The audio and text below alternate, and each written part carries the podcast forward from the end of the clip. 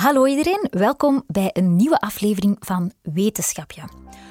Op onze wereldbol krioelt het van het leven. Er zijn 7,5 miljard mensen. Um, wacht eens even, hier klopt precies iets niet. Dit klinkt als een documentaire, maar mijn stem past daar helemaal niet bij. Ik zou zo'n echte, diepe documentaire stem moeten hebben. Wacht, ik zal eens wat lager proberen. Op onze wereldbol krioelt het van het leven. Ja, bijna. Ik denk dat ik nog een beetje moet zeggen. Op onze wereldbol krioelt het van het leven. Er leven 7,5 miljard mensen op de wereld. En er komen elke dag ongeveer 367.000 nieuwe baby's bij. Maar de wereld is niet altijd zo dicht bevolkt geweest. 10.000 jaar geleden, dat was dus rond het jaar 8000 voor Christus, waren we op heel de wereld met ongeveer 6 miljoen mensen. 6 miljoen! Dat zijn dus alle inwoners van Vlaanderen, maar dan uitgesmeerd over de hele wereld.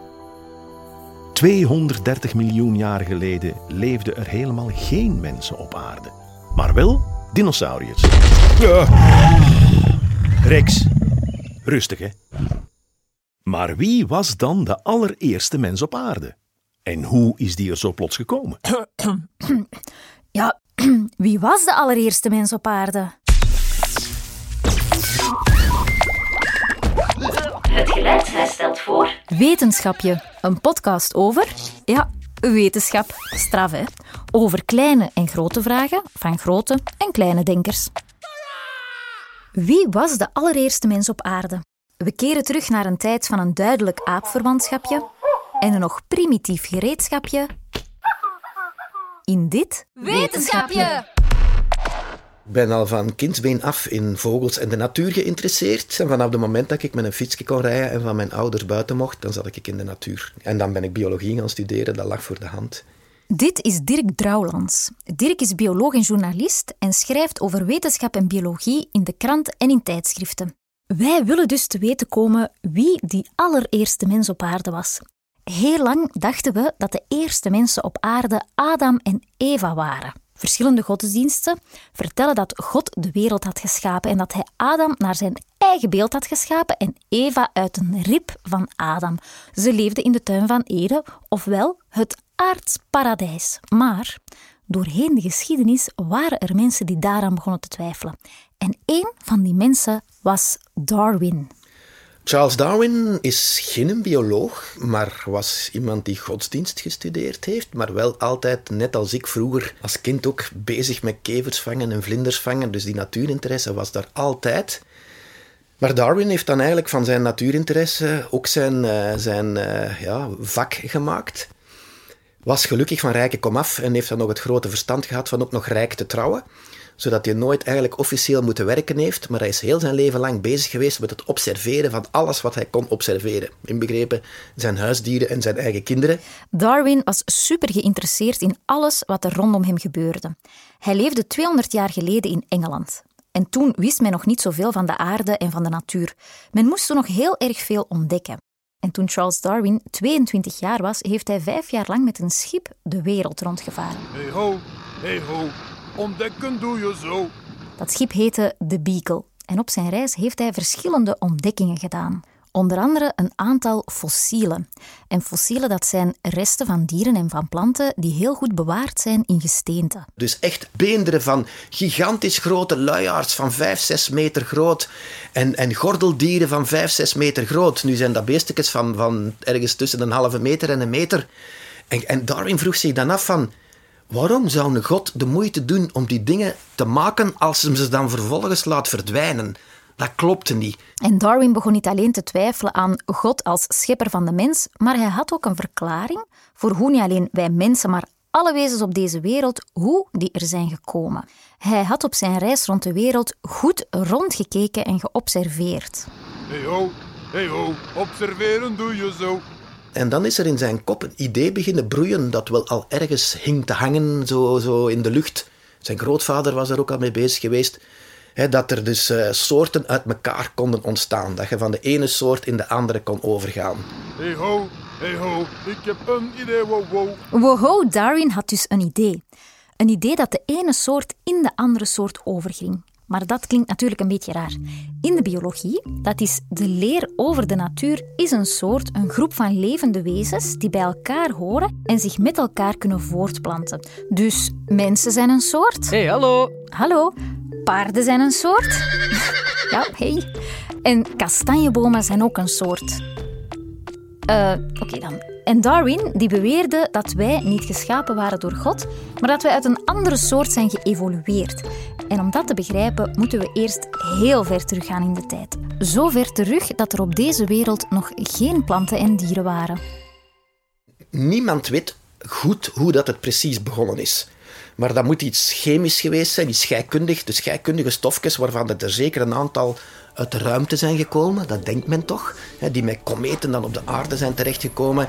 En dan die aarde was al aan het evolueren en, en uh, op zichzelf dan, hè, met, met, met oceanen en met bergen. En, en daar moet er ergens onder water in de oceanen, helemaal in de diepte, moeten ze van die heetwaterbronnen geweest zijn. En daar moeten dan de omstandigheden gecreëerd zijn waarin dat sommige van die chemische stoffen bij elkaar konden komen, zodat er daar dan iets uit ontstond dat zichzelf kon voortplanten. En dus gaat dan een celletje dat dat op een gegeven moment in staat was om kopiekjes te maken van zichzelf. Misschien kan dit nog duidelijker. Hier gaan we. Vier en een half miljard jaren geleden was er op aarde enkel water en één groot continent, Pangea. Daar stonden geen bomen of planten op, daar was niks, zelfs geen grasprietje.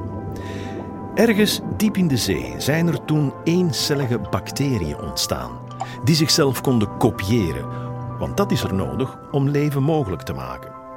Hoe die eencelligen daar zijn geraakt, is een groot raadsel. Waarschijnlijk komen ze uit de ruimte en zijn ze samen met kometen op de aarde beland, of komen ze uit de aarde zelf. Miljarden jaren lang bleef die situatie zo voortduren enkel eencelligen die ronddreven in de oceaan. Tot op een gegeven moment, 600 miljoen jaar geleden, die eencelligen zich gingen samenvoegen tot meercelligen. En vanuit die meercelligen zijn dan weekdieren ontstaan, zoals kwallen. Die verandering die noemen we evolueren. Nog eens vele duizenden jaren later zijn er uit die meercellige wezens vissen ontstaan. En weer vele duizenden jaren later zijn de vinnen van die vissen gaan veranderen naar pootjes. En zo kreeg men diertjes die zowel op het land als in het water konden leven. De amfibieën. Vanuit die amfibieën zijn dan reptielen en ook zoogdieren ontstaan. Maar dat proces, die evolutie, is gespreid over vele, vele, vele jaren. Dat gaat over honderden miljoenen jaren. Dus dat is echt, dat is echt een, een, heel, heel, heel langzaam uh, proces. En dat duurt dus miljoenen jaren om van zo'n zwemblaas, van zo'n vis, longen te maken, waarmee dat je op het, uh, op het land kunt ademen. Hè, want onder water gebeurt dat met kieuwen. Maar als je dat in de natuur moet laten evolueren, dat gaat over tientallen, misschien honderden miljoenen jaren, om dus van zo'n visje echt iets te maken dat alleen nog maar op het land kan leven. Dus Darwin had ontdekt dat de ene soort uit de andere ontstaat. Hij heeft daar een superbelangrijk boek over geschreven. Zijn theorie, dat de ene soort dus uit de andere ontstaat, die noemen we de evolutietheorie. Die evolutie die gebeurde natuurlijk niet zomaar. Dat had een bepaalde reden of beter een bepaalde oorzaak.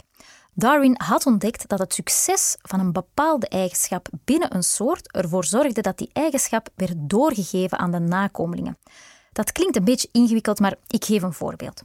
Op een gegeven moment kwam de bruine beer, Hallo? die op zoek was naar eten, uit het bos in de sneeuw terecht. Amai, dat is hier berenkoud. Maar de bruine beren vallen snel op in de witte sneeuw. Ah, ziet daar een bruine beer, die ziet het toch van ver. zei de poolhaas. De bruine beren, die iets minder bruin waren, viel dus ook minder op op het ijs en konden sneller prooien vangen. Ah ja, pak me dan als je kan. Op die manier bleven er meer lichtere bruine beren over die samen kindjes maakten met nog een lichtere vacht, die opnieuw minder opvielen in de sneeuw. En zo meer overlevingskansen hadden. En op hun beurt maakten ze weer kindjes die nog lichter waren. En zo bleven er uiteindelijk witte beren over, die wij ijsberen noemen. En dat proces noemen we natuurlijke selectie of the survival of the fittest. Ah, noemen ze dat zo, ja. Ah. Wat niet wil zeggen de wet van de sterkste, maar die van de meest of de best aangepaste. En op die manier evolueerde de ene soort uit de andere. Oké, we weten nu al dat we van eencellige wezens uit de zee evolueerden. Maar wij zijn dus nog steeds op zoek naar wie die allereerste mens op aarde was. En Darwin die heeft ontdekt dat onze voorouders apen waren. Dat de apen en de mensen dezelfde voorouders hebben. Wij zijn apen. Wij zijn een bepaalde soort aap. Nu komt de aap uit de mouw. We vertonen dus als mens erg veel gelijkenissen met de apen, vooral met de chimpansee. Genetisch hè, verschillen we maar 2% met de chimpansee, hoewel er visueel natuurlijk heel grote verschillen zijn. Zes miljoen jaar geleden, toen bestonden er nog geen mensen, enkel apen. En toen is er een splitsing in de soort, in de groep van de apen gebeurd. Aan de ene kant ontwikkelden de apen zich verder en aan de andere kant de aapmens. En men noemt dat de Australopithèek. Dat is een moeilijke naam. De Australopithèek. Dat is een naam die wetenschappers gegeven hebben aan die allereerste aapmens, zo het heet men dat. Die was klein, die was gedrongen, die liep waarschijnlijk nog voor een deel op, op, op zijn vier poten, zal ik dat maar zeggen. Het, eh, die was agressief. De Australopithèek was zo nog een echte aapmens, maar dan pakt een half miljoen jaar later is er zo de eerste echte mens ontstaan, de Homo habilis. Dat is de mens die handig is, die werktuigen kan gebruiken. Dat waren heel eenvoudige stenen die ze gebruikten om iets kapot te slaan. En dan nog een half miljoen jaar later, bijna twee miljoen jaar geleden, is de volgende gekomen, de Homo erectus. Die is dan echt op twee benen gaan lopen.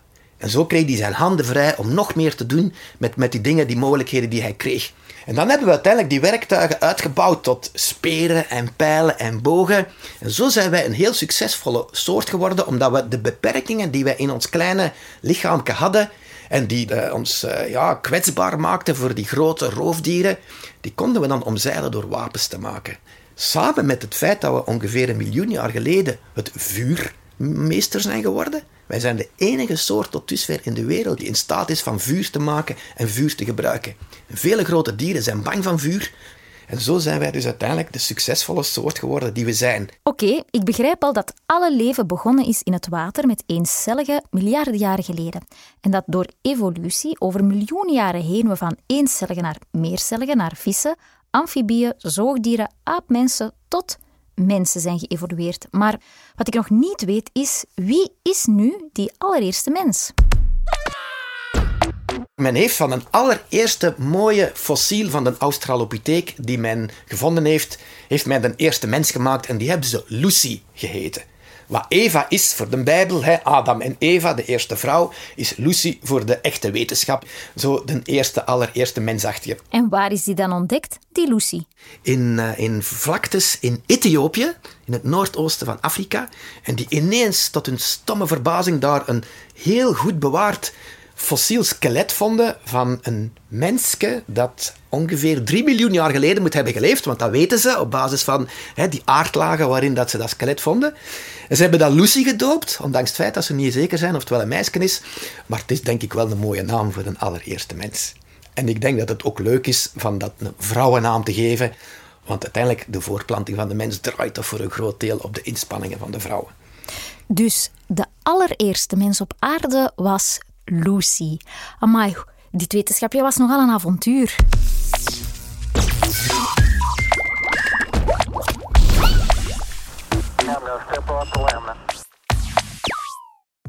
Dit was de voorlopig laatste aflevering van Wetenschapje. Oh. Oh. Maar hey, niet getreurd hè. In het najaar zijn we terug met vers materiaal.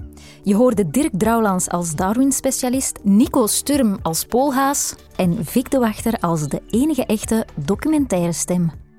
Wetenschapje is een productie van het Geluidshuis. Klank en muziek zijn gemaakt door Bram Kouwmans. Concept en regie door Leen Renders. Met extra hulp achter de schermen van Katarina Martinovski, Andes met Pieter-Jan Vinks en Koen Brandt. Heb je genoten van deze aflevering? Geef dan een score of laat een recensie achter. Zo vinden anderen ook de weg naar deze podcast. Op wetenschapje.be vind je meer info en onze andere producties zoals de Heerlijke Hoorspelen. Dag wetenschappers, tot snel. Leen, eh, doe ik het licht al uit? Nee, laat maar aan. We moeten aan de volgende zes beginnen.